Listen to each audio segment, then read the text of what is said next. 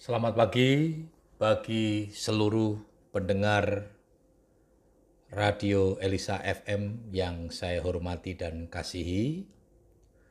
Menjadi doa dan harapan kita bersama, saya kira percaya kita semua berada dalam kondisi yang diberkati oleh Tuhan. Kita akan bersama-sama mendengarkan renungan firman Tuhan di pagi yang indah ini Tema renungan yang saya ingin sampaikan bagi kita semua adalah jangan menyerah. Di dalam perjalanan hidup manusia, sering kali kita diperhadapkan dengan berbagai macam persoalan, berbagai macam masalah, berbagai macam ujian, dan sering kali pula banyak orang yang akhirnya menyerah ketika harus menghadapi berbagai macam persoalan-persoalan hidup tersebut. Firman Tuhan pada pagi yang indah ini mengingatkan kepada kita, sebagai orang-orang percaya, kita tidak boleh menyerah atas setiap persoalan hidup kita. Saya akan bacakan firman Tuhan yang terdapat dalam 2 Korintus 4 ayat 6 hingga yang 10. Demikian firman Tuhan. Sebab Allah yang telah berfirman dari dalam gelap akan terbit terang ia juga yang membuat terangnya bercahaya di dalam hati kita, supaya kita beroleh terang dari pengetahuan tentang kemuliaan Allah yang nampak pada wajah Kristus. Tetapi harta ini kami punyai dalam bejana tanah liat, supaya nyata bahwa kekuatan yang melimpah-limpah itu berasal dari Allah, bukan dari diri kami. Dalam segala hal kami ditindas, namun tidak terjepit. Kami habis akal, namun tidak putus asa. Kami dianiaya, namun tidak ditinggalkan sendirian. Kami dihempaskan, namun tidak binasa. Kami senantiasa membawa kematian Yesus di dalam tubuh kami, supaya kehidupan Yesus juga menjadi nyata di dalam tubuh kami melalui pembacaan firman Tuhan yang terdapat dalam 2 Korintus 4 ayat 6 hingga yang 10.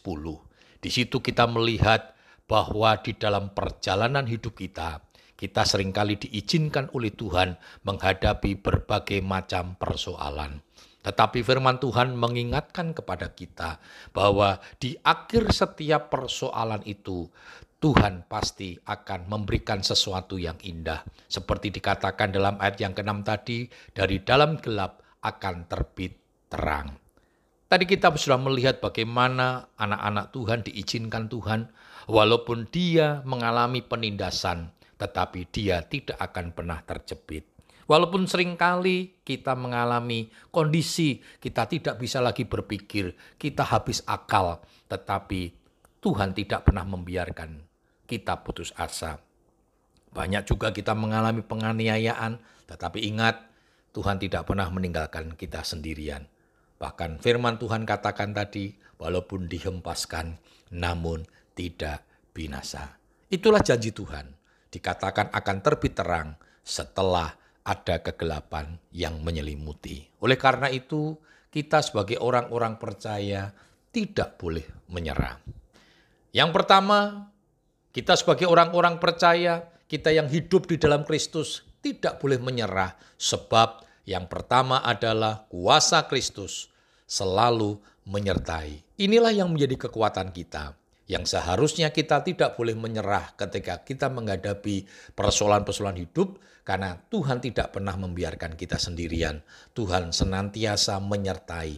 Seperti janjinya ketika Tuhan Yesus sebelum naik ke surga, dia berikan satu amanat kepada murid-muridnya, tetapi di akhir amanat itu Tuhan memberikan satu janji yang boleh menjadi kekuatan kita, yaitu ada penyertaan Tuhan. Mari kita akan bersama-sama melihat di dalam Matius 28 ayat 19 hingga 20. Saya akan bacakan demikian firman Tuhan. Karena itu, pergilah Jadikanlah semua bangsa muridku, dan baptislah mereka dalam nama Bapa dan Anak dan Roh Kudus. Dan ajarlah mereka melakukan segala sesuatu yang telah kuperintahkan kepadamu. Dan ketahuilah, aku menyertai kamu senantiasa sampai kepada akhir zaman. Ini janji Tuhan bahwa Tuhan akan menyertai orang-orang percaya. Tuhan akan menyertai orang-orang yang hidupnya di dalam Kristus. Tuhan akan menyertai sampai kepada akhir zaman. Hari-hari ini kita berada di pada kondisi-kondisi akhir zaman, tetapi zaman ini belum berakhir. Kita sedang menuju kepada akhir zaman. Berarti penyertaan Tuhan masih berlaku bagi kita orang-orang yang percaya. Bapak Ibu Saudara, kuasa Tuhan Yesus selalu menyertai orang-orang percaya. Dia tidak pernah meninggalkan orang-orang yang dikasihinya. Itu kita bisa melihat bersama-sama di dalam Ibrani 13 ayat 5b hingga yang ke-6 dikatakan demikian. Karena Allah telah berfirman, aku sekali-kali tidak akan membiarkan engkau dan aku sekali-kali tidak akan meninggalkan engkau. Sebab itu dengan yakin kita dapat berkata, Tuhan adalah penolongku. Aku tidak akan takut. Apakah yang dapat dilakukan manusia terhadap aku. Ayat ini boleh meneguhkan kita sebagai orang-orang percaya bahwa janji Tuhan, Dia tidak akan pernah membiarkan kita, Dia tidak akan pernah meninggalkan kita. Walaupun Tuhan mengizinkan kita menghadapi berbagai macam persoalan hidup, tekanan, bahkan hal-hal yang sering kali sesuatu yang begitu berat dalam hidup kita. Tetapi percayalah, bahwa Tuhan tidak pernah membiarkan kita dan Tuhan tidak pernah meninggalkan kita. Inilah yang menjadi kekuatan kita. Di dalam kitab ulangan 31 ayat 8 juga dikatakan demikian. Sebab Tuhan dia sendiri akan berjalan di depanmu. Dia sendiri akan menyertai engkau. Dia tidak akan membiarkan engkau dan tidak akan meninggalkan engkau. Jangan takut dan janganlah patah hati. Ingat, Jangan takut, janganlah patah hati, jangan menyerah.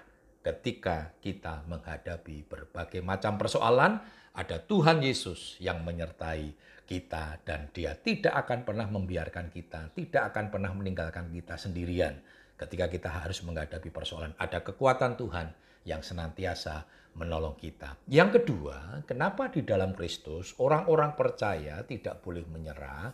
Sebab yang kedua adalah kuasa Kristus selalu memberi kemenangan. Perhatikan, kuasa Kristus selalu memberi kemenangan. Di dalam Tuhan kita tidak pernah mengenal yang namanya kalah. Firman Tuhan juga katakan kita ini lebih dari orang-orang yang menang.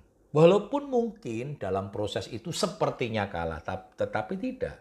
Di akhir setiap persoalan kita, di akhir setiap perjalanan hidup kita, firman Tuhan mengingatkan kepada kita bahwa di dalam Kristus kita selalu memiliki kemenangan. Karena itu jangan menyerah. 1 Korintus 15 ayat yang ke-57 dikatakan demikian. Tetapi syukur kepada Allah yang telah memberikan kepada kita kemenangan oleh Yesus Kristus, Tuhan kita. Perhatikan bahwa di dalam Kristus kita akan menerima kemenangan atas setiap persoalan-persoalan hidup kita. Tetapi perhatikan saudara ya, kemenangan itu di dalam Kristus. Kalau saudara menghadapi persoalan hidup dengan kekuatan sendiri pasti lemah. Karena firman Tuhan katakan dalam Yeremia 17 ayat yang kelima, terkutuklah orang yang mengandalkan kekuatan manusia. Kenapa? Karena kekuatan manusia terbatas. Kekuatan manusia lemah. Tetapi di dalam ayat yang ketujuh, Yeremia 17 yang ketujuh dikatakan, diberkatilah orang yang mengandalkan Tuhan. Karena itu kita nggak boleh menyerah. Kenapa? firman Tuhan yang per, uh, tadi di, di poin yang pertama dikatakan bahwa Tuhan itu selalu menyertai dan penyertaan Tuhan itu selalu memberikan kemenangan di dalam kehidupan kita. Nah, saudara kita nggak perlu takut karena tadi kita sudah melihat dalam poin yang pertama bahwa Tuhan itu selalu ada bersama-sama dengan kita.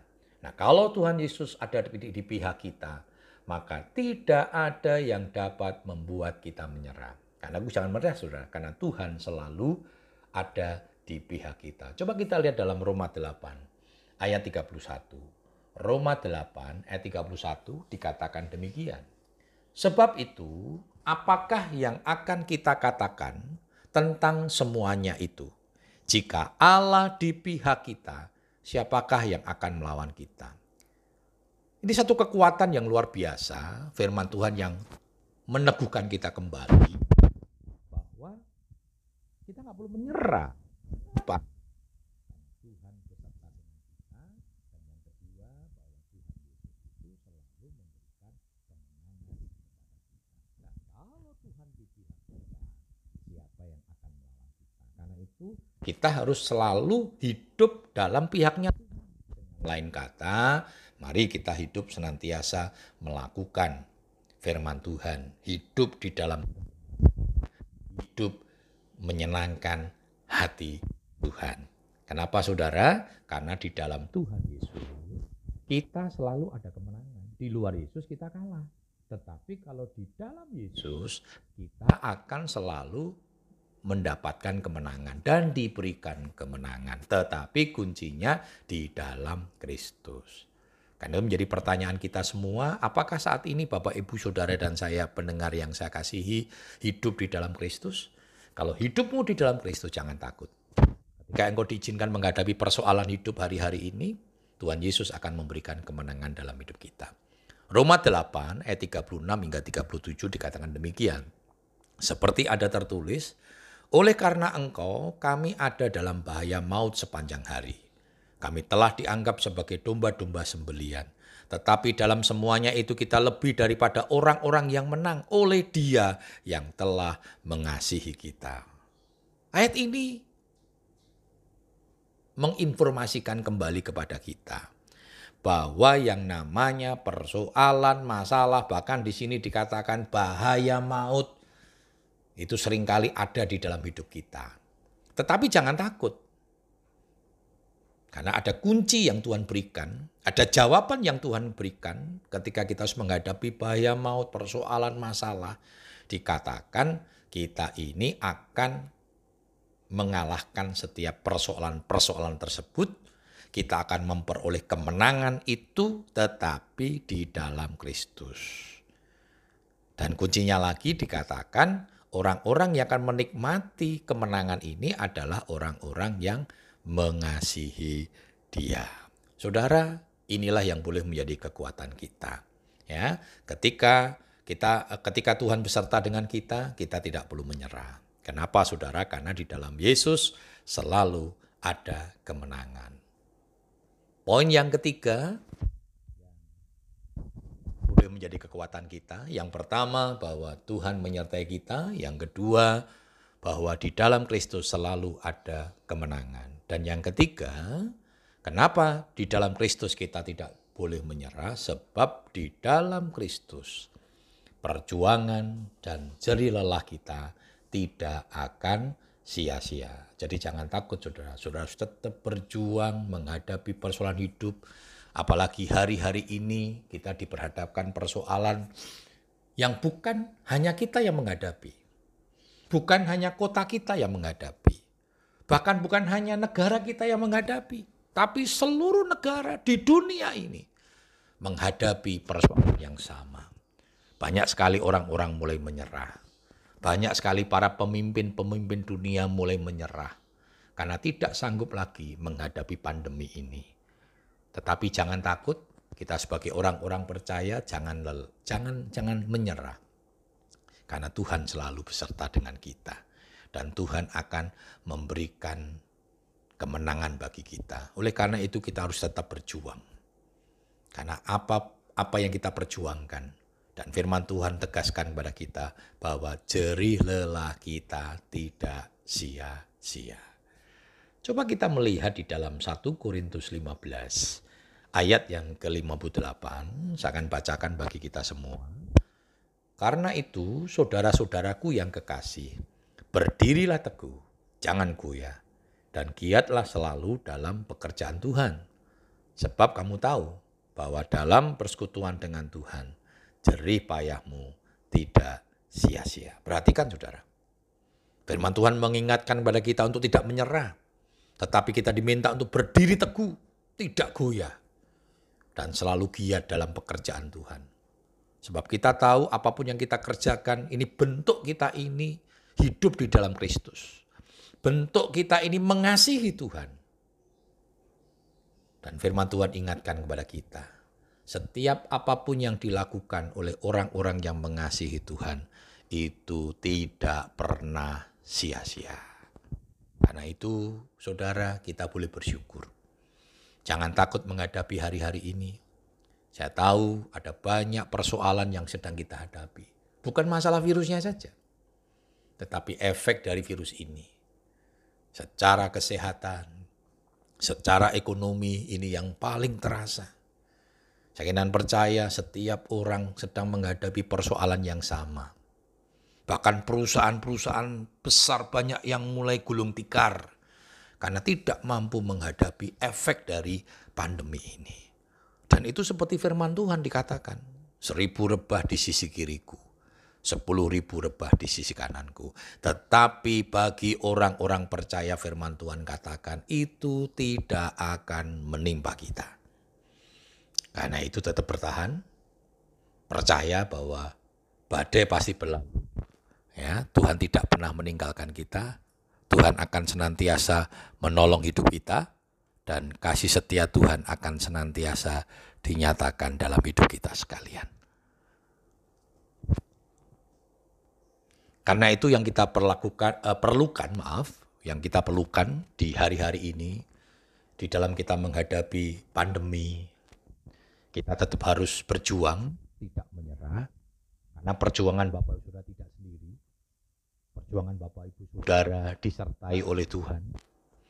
Dan Tuhan akan senantiasa memproteksi hidup kita. Bahkan di poin yang kedua tadi kita sudah melihat bersama-sama bagaimana Tuhan akan memberikan kemenangan bagi kita. Kenapa saudara? Karena perjuangan di dalam Kristus itu akan menghasilkan upah.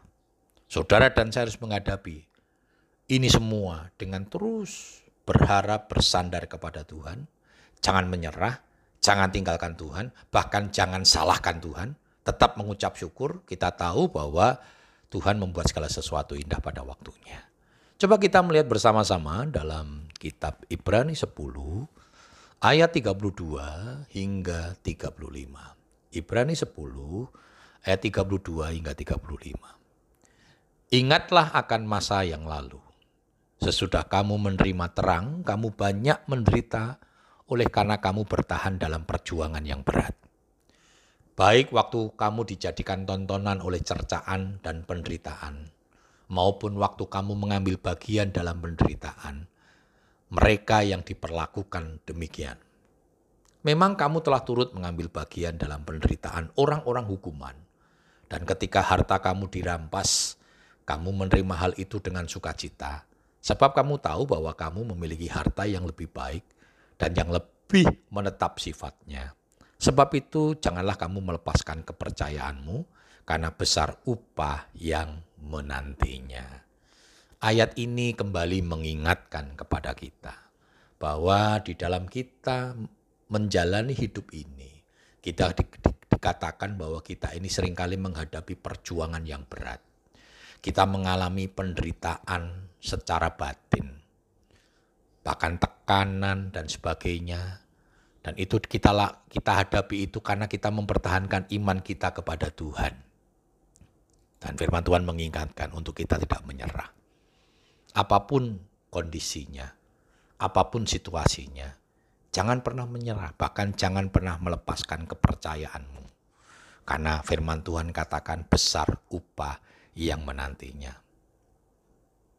1 Korintus 15 tadi mengatakan bahwa jerih lelah kita tidak sia-sia. Tuhan perhitungan itu. Mari Bapak Ibu Saudara, dalam kita menghadapi situasi-situasi yang tidak mudah. Situasi-situasi yang tidak gampang. Kita jangan menyerah. Kita terus berdoa untuk setiap anak-anak Tuhan yang ada di kota Salatiga kita berdoa untuk para pemimpin-pemimpin kota Salatiga. Bapak Wali Kota, Wakil Wali Kota, beserta dengan jajarannya.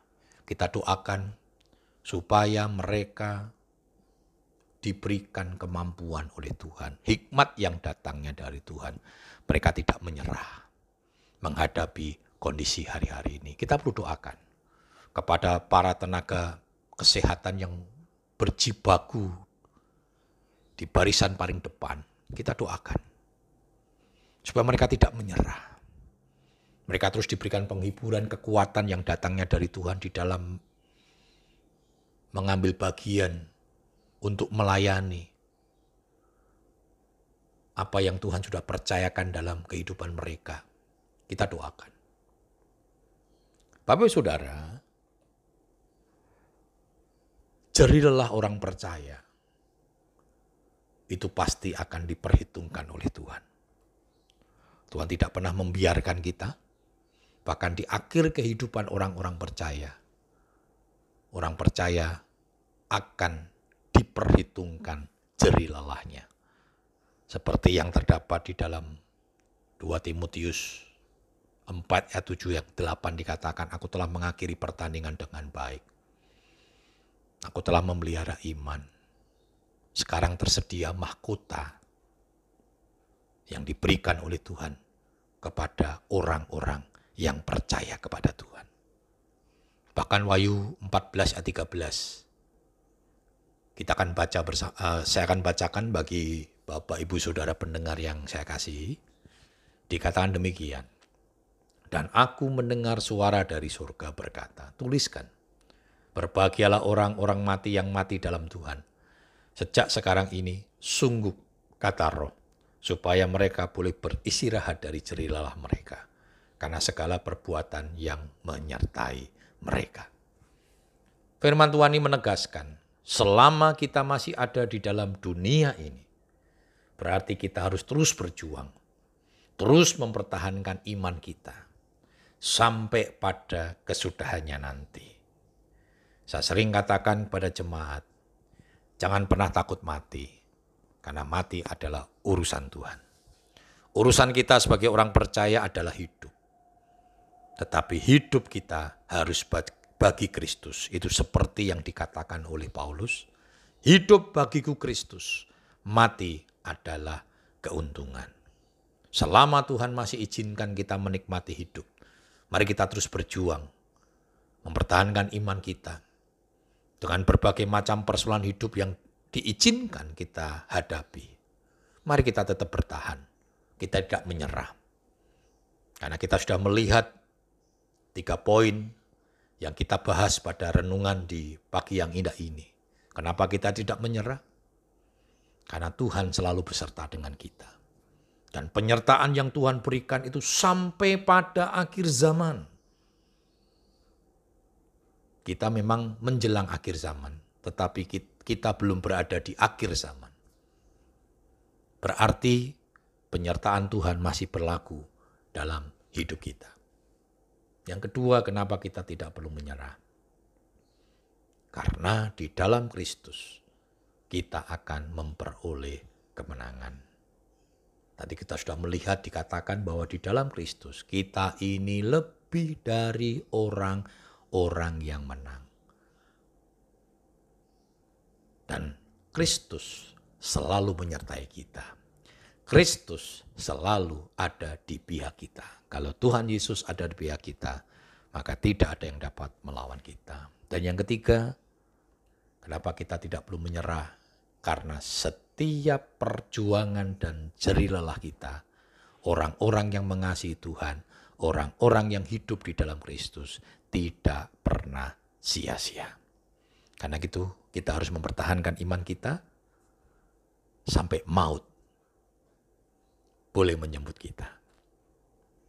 Tidak ada satu ayat pun di dalam firman Tuhan yang menceritakan kepada kita, yang menyampaikan kepada kita bahwa ada duka cita bagi kematian orang-orang yang dikasihinya. Paulus berkata, hidup bagiku Kristus, mati adalah keuntungan. Wahyu 14 ayat 13 dikatakan, berbahagialah orang-orang mati yang mati dalam Tuhan. Tetapi jangan lupa kuncinya di dalam Tuhan. Kalau matinya tidak ada dalam Tuhan ya nggak berbahagia saudara. cilaka besar. Kalau hidup tidak untuk Kristus, tidak dikatakan keuntungan kalau kita mati, tetapi cilaka besar. Karena hanya cerilalah orang-orang yang percaya kepada Tuhan yang diperhitungkan dan akhirnya Tuhan akan memakaikan kita mahkota kebenaran. Puji Tuhan bagi seluruh pendengar Radio Elisa FM yang saya kasihi. Pagi yang indah ini firman Tuhan mengingatkan kepada kita untuk kita tidak menyerah. Saya tidak tahu bagaimana keberadaan kita hari-hari ini, bagaimana kondisi kita hari-hari ini. Mungkin Bapak Ibu sedang menghadapi berbagai macam persoalan, baik itu persoalan ekonomi, persoalan kesehatan, persoalan dalam rumah tangga, persoalan dalam kuliah sekolah, satu pesan firman Tuhan pada pagi yang indah ini. Jangan menyerah. Tetapi jangan lupa. Jangan menyerah dan tetap tinggal di dalam Kristus. Karena Tuhan menyertai kita. Tuhan memberikan kemenangan kepada kita. Dan jerilah orang percaya. Tidak pernah dilupakan. Tuhan senantiasa memperhitungkan itu semua. Biarlah renungan firman Tuhan boleh memberkati kita semua di pagi yang indah ini dan kasih setia Tuhan akan senantiasa menyertai kita semua. Selamat pagi, Tuhan Yesus memberkati. Amin.